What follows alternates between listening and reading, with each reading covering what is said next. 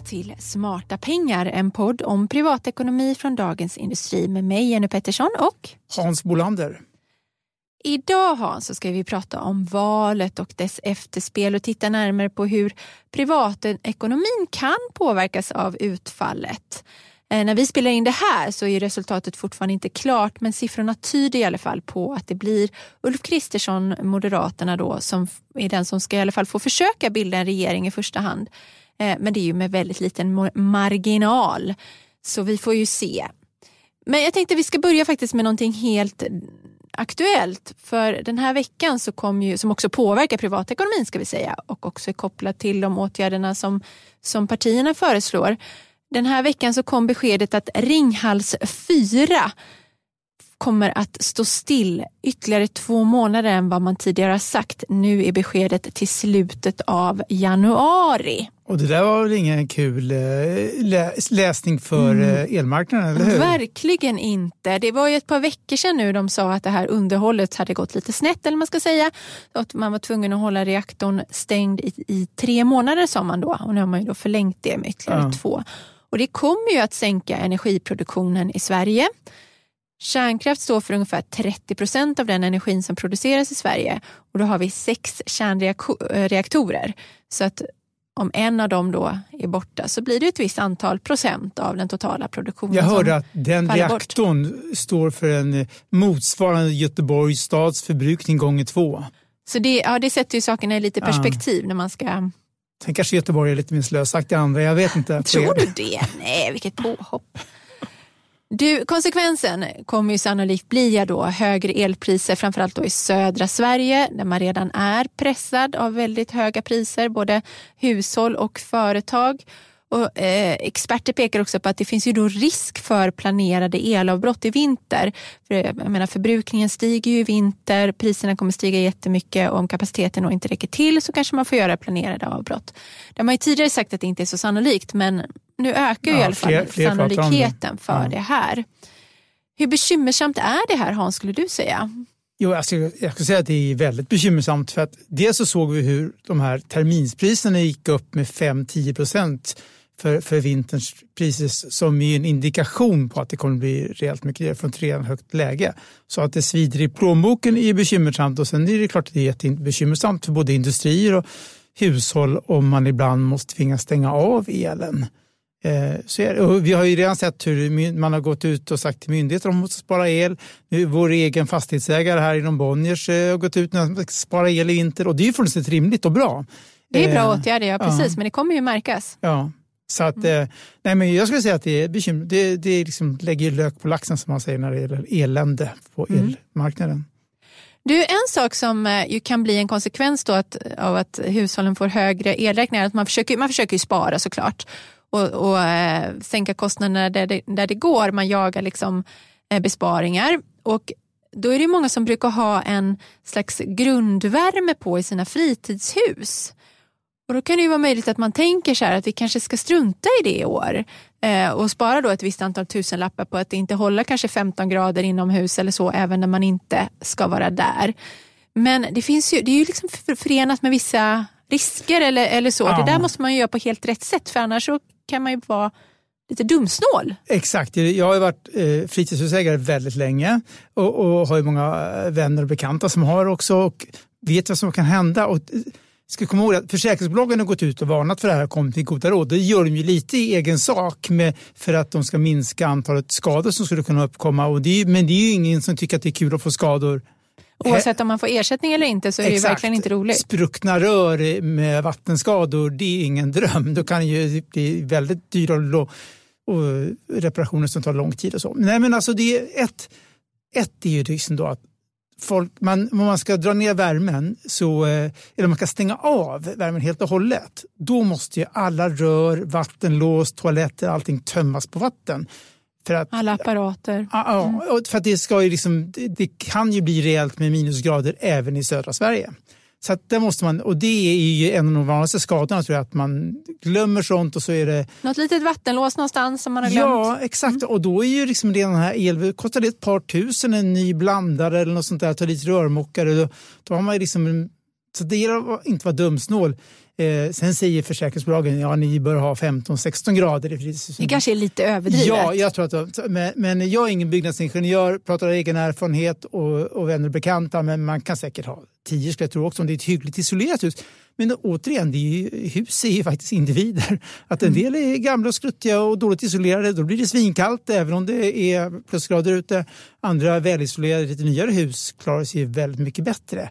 Så sunda förnuftet, eh, men, men läs på. Om det finns ju rätt bra checklistor just hos eh, ja, försäkringsbolagen där man kan kolla så att man inte glömmer någon grej som att rensa hängrännor. Ja, och det finns intresseorganisationer för husägare och det finns kommuner och det finns jättemycket. Så att det är väl ett råd att verkligen ta del, ta del av allt det här innan man stänger av strömmen helt eller ska tömma vattnet. Och, eh, men sen också att som jag pratat om många gånger här, att det är, nu är det ännu mer ett gyllene läge att försöka hitta någon sorts, i alla fall de enkla billiga knepen att isolera ett hus eller stödvärme, luftvärmepumpar och liknande som inte kostar för mycket. Och sen gäller det att få dem på plats däremot inför vintern, det är ju svårt, med, i alla fall med sådana här värmepumpar har vi rapporterat om i DI. Att det är brist på komponenter ja, och sådär. Det, det mm. kan dröja flera månader, kanske ända upp till ett halvår innan mm. få det installerat. Det är både brist på komponenter och pumpar och installatörer. Och det kan man inte sätta in själv. Det,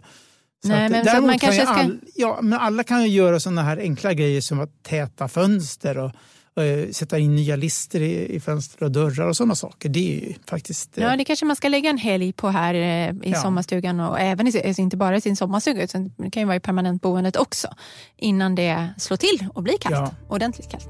Verkligen.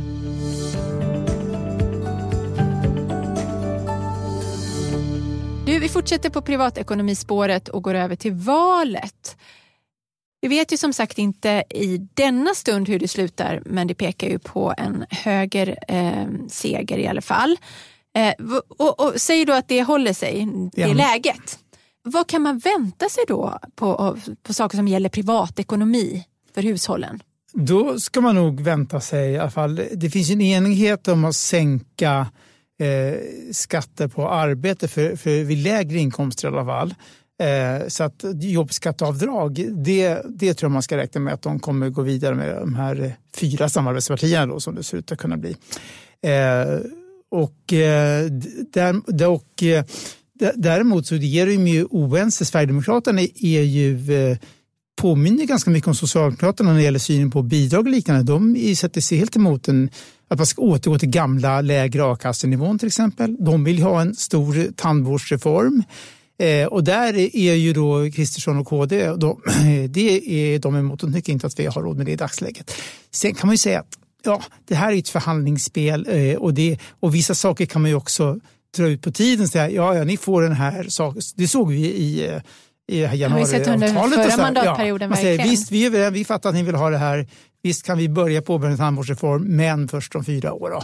Ja, liknande, så det kommer ju bli ett väldigt mycket förhandlande. Men sen eh, det finns ju en enighet också att man ska stödja hushållen. Det finns ju oavsett vilken regering det blir så, så vill ju alla eh, någon, på olika sätt stödja hushållen. Men till exempel med energin då? Vad tror du man kan ah. vänta sig där? Blir det något direktstöd eller? Det, det, det avråder ju ganska många ekonomer ja, också. Eh, jag tror nog ändå att det, det kanske blir ett direktstöd för att det är enklast och snabbast att få ut. Men, ehm, det har man gjort i andra länder. Ja, exakt. Mm. Alltså Tyskland bland ja. annat. Och nu pratar man ju också om pristak på, på all el som inte produceras av gas utan det är allt annat. Och det skulle göra också att då kan eh, företagen inte ta ut så höga elpriser men då måste ju då staten eh, eh, hjälpa de här företagen så att de går konkurs. Så att, men jag, jag jag tror nog att det kan bli någon typ av energistöd till ja, dem. Varför är det med drivmedel då? Bensin och diesel? Där är ju, eh, där har ju Sverigedemokraterna väldigt tydliga att de ska få ner priset på bensin och diesel. Det har de lovat sina väljare. Så där kommer det bli tuffa förhandlingar. Jag vet, Moderaterna och sånt är ju för i alla fall och jag tror även KD är att man eh, minskar den här reduktionsplikten. Och, och om man inte behöver blanda i så mycket biobränsle så blir det därmed billigare. Sen är det ganska många som säger tillfällig, eh, att man slopar vissa skatter på drivmedel tillfälligt under säg ett halvår eller liknande. Och det har förstås också på el. Det skulle kunna komma inom elområdet också tror jag. Att man slopar olika elskatter och moms tillfälligt. Man säger ja, nu är det här under ett halvår, då slopar vi det. Eh, det är alltid enklare att slopa någonting tillfälligt och sen säga att man går tillbaka. Det är ju flera av de här partierna också som vill sänka skatten på ISK, men inte alla. Så det är ju lite osäkert eh, hur man eh, kommer agera där. Ja, det är ju samtidigt det är en liten hjärtefråga för både liberaler och moderater skulle jag säga framförallt som har varit ute och eh, då har man pratat om att nu är ju skatten 1 procent plus statslåneräntan så betalar man 30 procent på den summan. Eh, och att man ska gå ner till, till den förra nivån som var 0,75 plus statslåneräntan. Och sen är det också plus ja, så att, som tillägg. Men eh, ja, det skulle man nog kunna tänka sig att eh, så, eh, så Det är ju ett speciellt för nu stiger ju statslåneräntan så att eh, det, det betyder ju ändå att det ändå kommer bli dyrare för spararna och då det var ju när räntan var eh, minus eller, eller ah, noll som man höjde den här eh, tröskeln då, eller vad man ska säga, eller det här golvet i systemet. Och nu är vi i ett annat läge så det kan ju hända att även någon annan regering hade varit beredd på, på sikt att se över de här nivåerna om statslåneräntan stiger väldigt mycket, ja, tänker jag. Det, det, är ju en öppen ja, fråga. Ja, men, men absolut, för samhällets intäkter kommer stiga ändå, för vi vet ju att räntorna är på väg uppåt.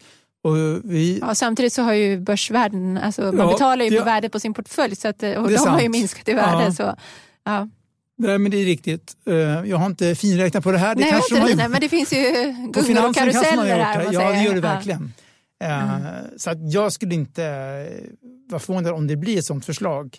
För jag tror inte att det, hela, att det kostar jättemycket för statskassan och, göra det som ett incitament och sparande som en positiv åtgärd för hushållen i allt elände som kommer ske under hösten i form av kostnadsökningar.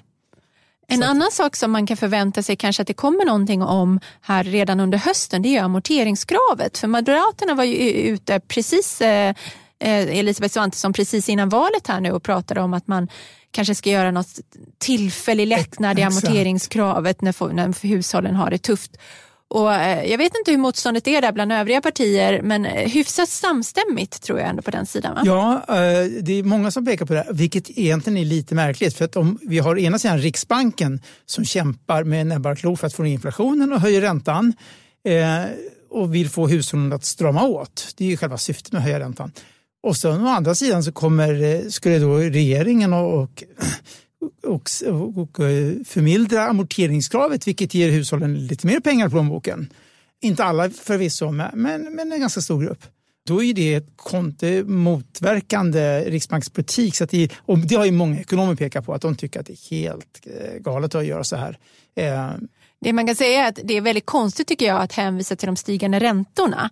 Att det är därför man skulle göra det här. Därför att Hela systemet bygger ju på att den som lånar ska klara en ränta på uppemot 6 procent ja, och där ja. är vi långt ifrån ännu. Eh, så man får ju förvänta sig, det har vi pratat om förut, den här kvar och leva-kalkylen då Just som det. bankerna gör.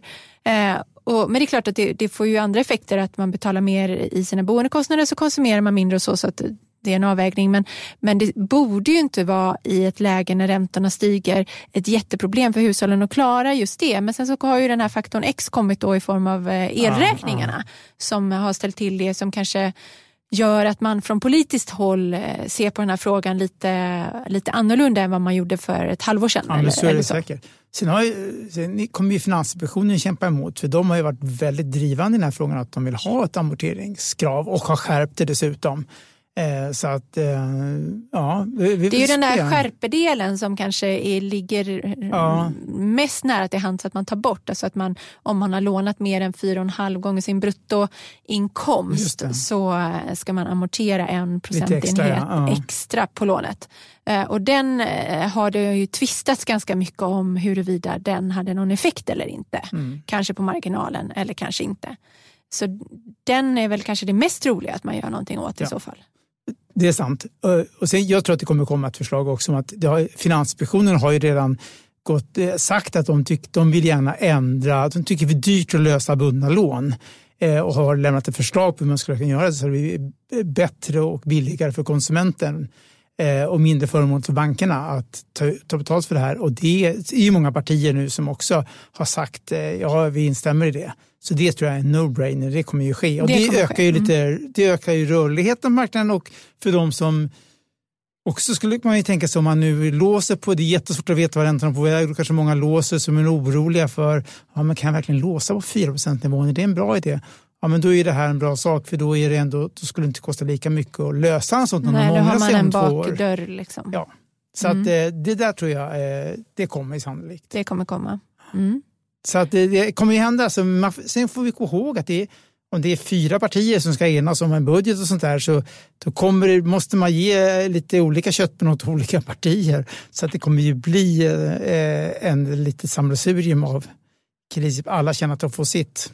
Vi det... hade ju eh, företagare som eh, vi hade intervjuat i det i, eh, nu i början på veckan efter valet som menar på att vi, vi kan liksom inte vänta på att en ny regering ska komma på plats, att man ska komma överens och så. Vi behöver hjälp nu, nu, nu och det handlar ju om energi eh, räkning, eller elräkningarna då framförallt. Men så är det ju alltid efter ett val om ingen har 50 procent, att det kommer ju ta tid. Så att Vissa mm. saker kanske går att göra snabbt som, som en tillfällig lättnad i amorteringar, men andra saker kommer ju ta tid. Det kommer det verkligen vara. Alltså det, en budget ska vara klar tror jag, tre veckor efter regeringsbildningen senast. Eh, men sen om det drar ut på tiden så här, sen tror jag det finns ett skarpt datum i någon gång sen mitten på november. De måste ha lämnat. Så budgeten är ju den första då, och, och som sagt det kommer ju dröja minst en månad, kanske längre innan vi har en sån på plats. Och som sagt, de kan ju alltid använda tekniken att skjuta saker på framtiden också.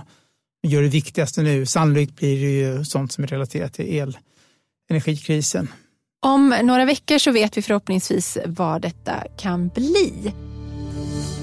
Du Hans, jag tänker att vi ska avsluta podden med en titt på börsläget. Det är ju väldigt spännande. Just den här veckan, eller de senaste dagarna, så har börsen faktiskt stigit en hel del. Så att nu ligger Stockholmsbörsen på ungefär minus 25 sedan årsskiftet. Den har ju pendlat där. Eh, den har legat på nästan minus 30 och lite fram och tillbaka. Men så är det i alla fall just nu. Eh, och då är det så att Fondbolagens förening, den här brand, intresseorganisationen för, som nästan alla fondbolag är medlemmar i i Sverige, de gör några gånger om året en enkät och de frågar ett, ett antal eh, förvaltare. Det är inte en jättestor enkät. Nej, säga ett 20-tal. Ja, men det är ändå folk som är väldigt initierade och som jobbar med det här hela tiden. Om deras syn på marknaden och börsen då. Och den här gången det kom en sån här eh, barometer kallar de det då, förvaltarbarometer här häromdagen och då svarade ju nästan alla fondförvaltarna att de ser negativt på marknadsutsikterna nu i dagsläget. Då. Men på frågan om hur Stockholmsbörsen kommer att utvecklas det närmaste halvåret då är bilden lite mer spretig. Jaha. Eh, då är det knappt hälften av förvaltarna som är positiva och då lika många som är negativa. Men på längre sikt, då, ett till två år, då är man, liksom, då är man optimist igen. Ja, ja. Eh, då ser nästan alla, eh, det var bara någon, någon tror jag som, som inte såg positivt på Stockholmsbörsen med det tidsperspektivet. Hur tycker du man ska se på det här? ska ses som en indikation på, det är ju väldigt starkt att så många är negativa på kort sikt. Det tyder på att marknaden är negativ. Sen ska man komma ihåg på längre sikt, ja, det vore ju självmål om de sa att det var dåligt med aktier. De, de skulle alla ta ut sina pengar. ja, de flesta av de här är ju aktiefondsförvaltare också. Eh, så att eh, jag, jag tror att eh, de kommer alltid säga eh, att aktier är bra på ett till två års sikt medan de andra strateger som har lite mer större grepp säger att ja, man ska nog ha fem till tio års sikt för att vara säker på att få avkastning på sina pengar. Eh, men, ja, det där eh, finns ju statistik på hur, ja. Hur stor sannolikheten är att man har får en positiv och den stiger ju såklart med, med spartiden. Ja. Så man, man, får ju ta det med, men jag tycker det är en allvarlig signal att de är så negativa på kort sikt. Men de, de, ser, de har ju naturligtvis det som de egna, men framförallt det som både internationella och svenska bedömares eh, prognoser om, om det närmsta året och det ger ju stigande räntor och det är ju höga energipriser och det är lågkonjunktur. Det är ganska många som gör prognoser nu att Sverige får fallande BNP. Storbanken Nordea gjorde nyligen 0,5. Mindre organisationer har sett ta minus 2 procent. Så man får ju ta allt det där med en nypa salt men men helt klart. Det så. Sen kan vi komma ihåg då, apropå börsen har stigit ett par dagar nu och sånt där. Och eh, samtidigt har vi sett ett par vinstvarningar på börsen i hushållsnära företag. Så här typiskt var att det Mm. börjar märka. Electrolux hade vi, Husqvarna. Thule hade vi. Thule de, Ja. Och sen kom ju Mips också. Det handlar ju om det, att hjälmarna. cykel, cykelmarknaden som har varit... Vi Ja. har ju cyklat så oerhört mycket Ja. under pandemin och folk har haft ett väldigt stigande cykelintresse. Eh, Mycket mountainbike och sådär har ju varit ett, en, stigande, eller en, en trend. Den, den är verkligen på, på nedgång nu. Ja, ja, men alla håller hårdare i plånboken. Kanske lite grann oavsett om det behövs eller inte. För att även de som har bra ställt ekonomi håller för att man är osäker på hur... Hur det kommer. Man vill ha råd med elräkningen i, januari. Ja, exakt. Så Ja. det är inte konstigt. Och då drabbas ju de hushållsnära företagen först. Och sen drabbas ju andra företag i förlängningen. Och både exportföretag så här kan ju drabbas om eh, Tyskland går in i en lågkonjunktur och så vidare. Så att, säga. Så att jag, jag tror att liksom, de ger någonting på spåret där. Sen bara hoppas att det kan vända relativt fort. Man får, och det finns ju tecken på det, att man kommer att få bukt på inflationen ganska snabbt. Eh, Men eh, Men där säger ju en del strateger att just nu så ska man kanske istället då äga vårdbolag eller ehm, eh, ja, den typen av bolag som inte påverkar börs, banker när räntorna Ja. stiger och de kan få bättre marginaler och sådär. klassiska Men- defensiva sektorer. Klassiska defensiva sektorer. Men eh, det ju, finns ju inget facit här heller. Nej, nej det men är det det som kommer löna sig. Och det där syns ju en del också i fondbolagens statistik över hur strömmar ur det har strömmat ut. Eh, jag tror att det var upp mot 30 miljarder från aktiefonder hittills i år. Och nettouttag, och det är en hög siffra. Det är för att eh, naturligtvis är det för vi har haft två ganska osannolikt bra decennier för börs. Även om det har varit många gupp på vägen så har det ändå varit väldigt fin avkastning. Och nu, ja, Nu är det lite sämre år. ja, ja, Men man kan väl säga att våra grundråd kvarstår även i dessa skakiga tider. Fortsätt månadsspara eh, och eh, tänk långsiktigt. Ska du ha de här pengarna om 20 år så spelar det här, den här dippen sannolikt inte jättestor roll nej. i det stora hela. Utan trumma på med en, eh, med en risknivå som man är bekväm med ska man Ja, säga. absolut. Men, men man ska ju inte sluta spara på börsen. nej. Eh, Det, det är ju kanske den största risken på lång sikt som man kan utsätta sig för. Ja, exakt. Ja, och kom ihåg att när man månadssparar så köper man ju ibland bil. Det är ju rea på börsen när det, när det går ner och då får du många andelar för, för dina pengar. Så att det, absolut, det är, det är jätteviktigt om du har en lång horisont att fortsätta månadsspara. Det, det håller jag verkligen med om. Fortsätt spara. Det får bli våra avslutande ord Ja. här i podden idag. Smarta pengar redigeras av Umami Produktion och ansvarig utgivare är Peter Fällman. Och det har så många bra poddar som ni kan lyssna på tills vi kommer tillbaka nästa gång. Eh, Jag säger Analyspodden, vad säger du då? Då säger jag eh, Makrorådet till exempel. Mm, Och, ja, vad säger du? eh, då säger jag Digitalpodden. Ja, spännande. Och då säger jag de här dagliga, för det Dagliga kommer, händer ju så jättemycket i ekonomin nu Ja. så att då tror jag att väldigt många vill hänga med varje dag. Så eh, botanisera bland alla våra superbra poddar och så hörs vi igen. Hej då! Hej då!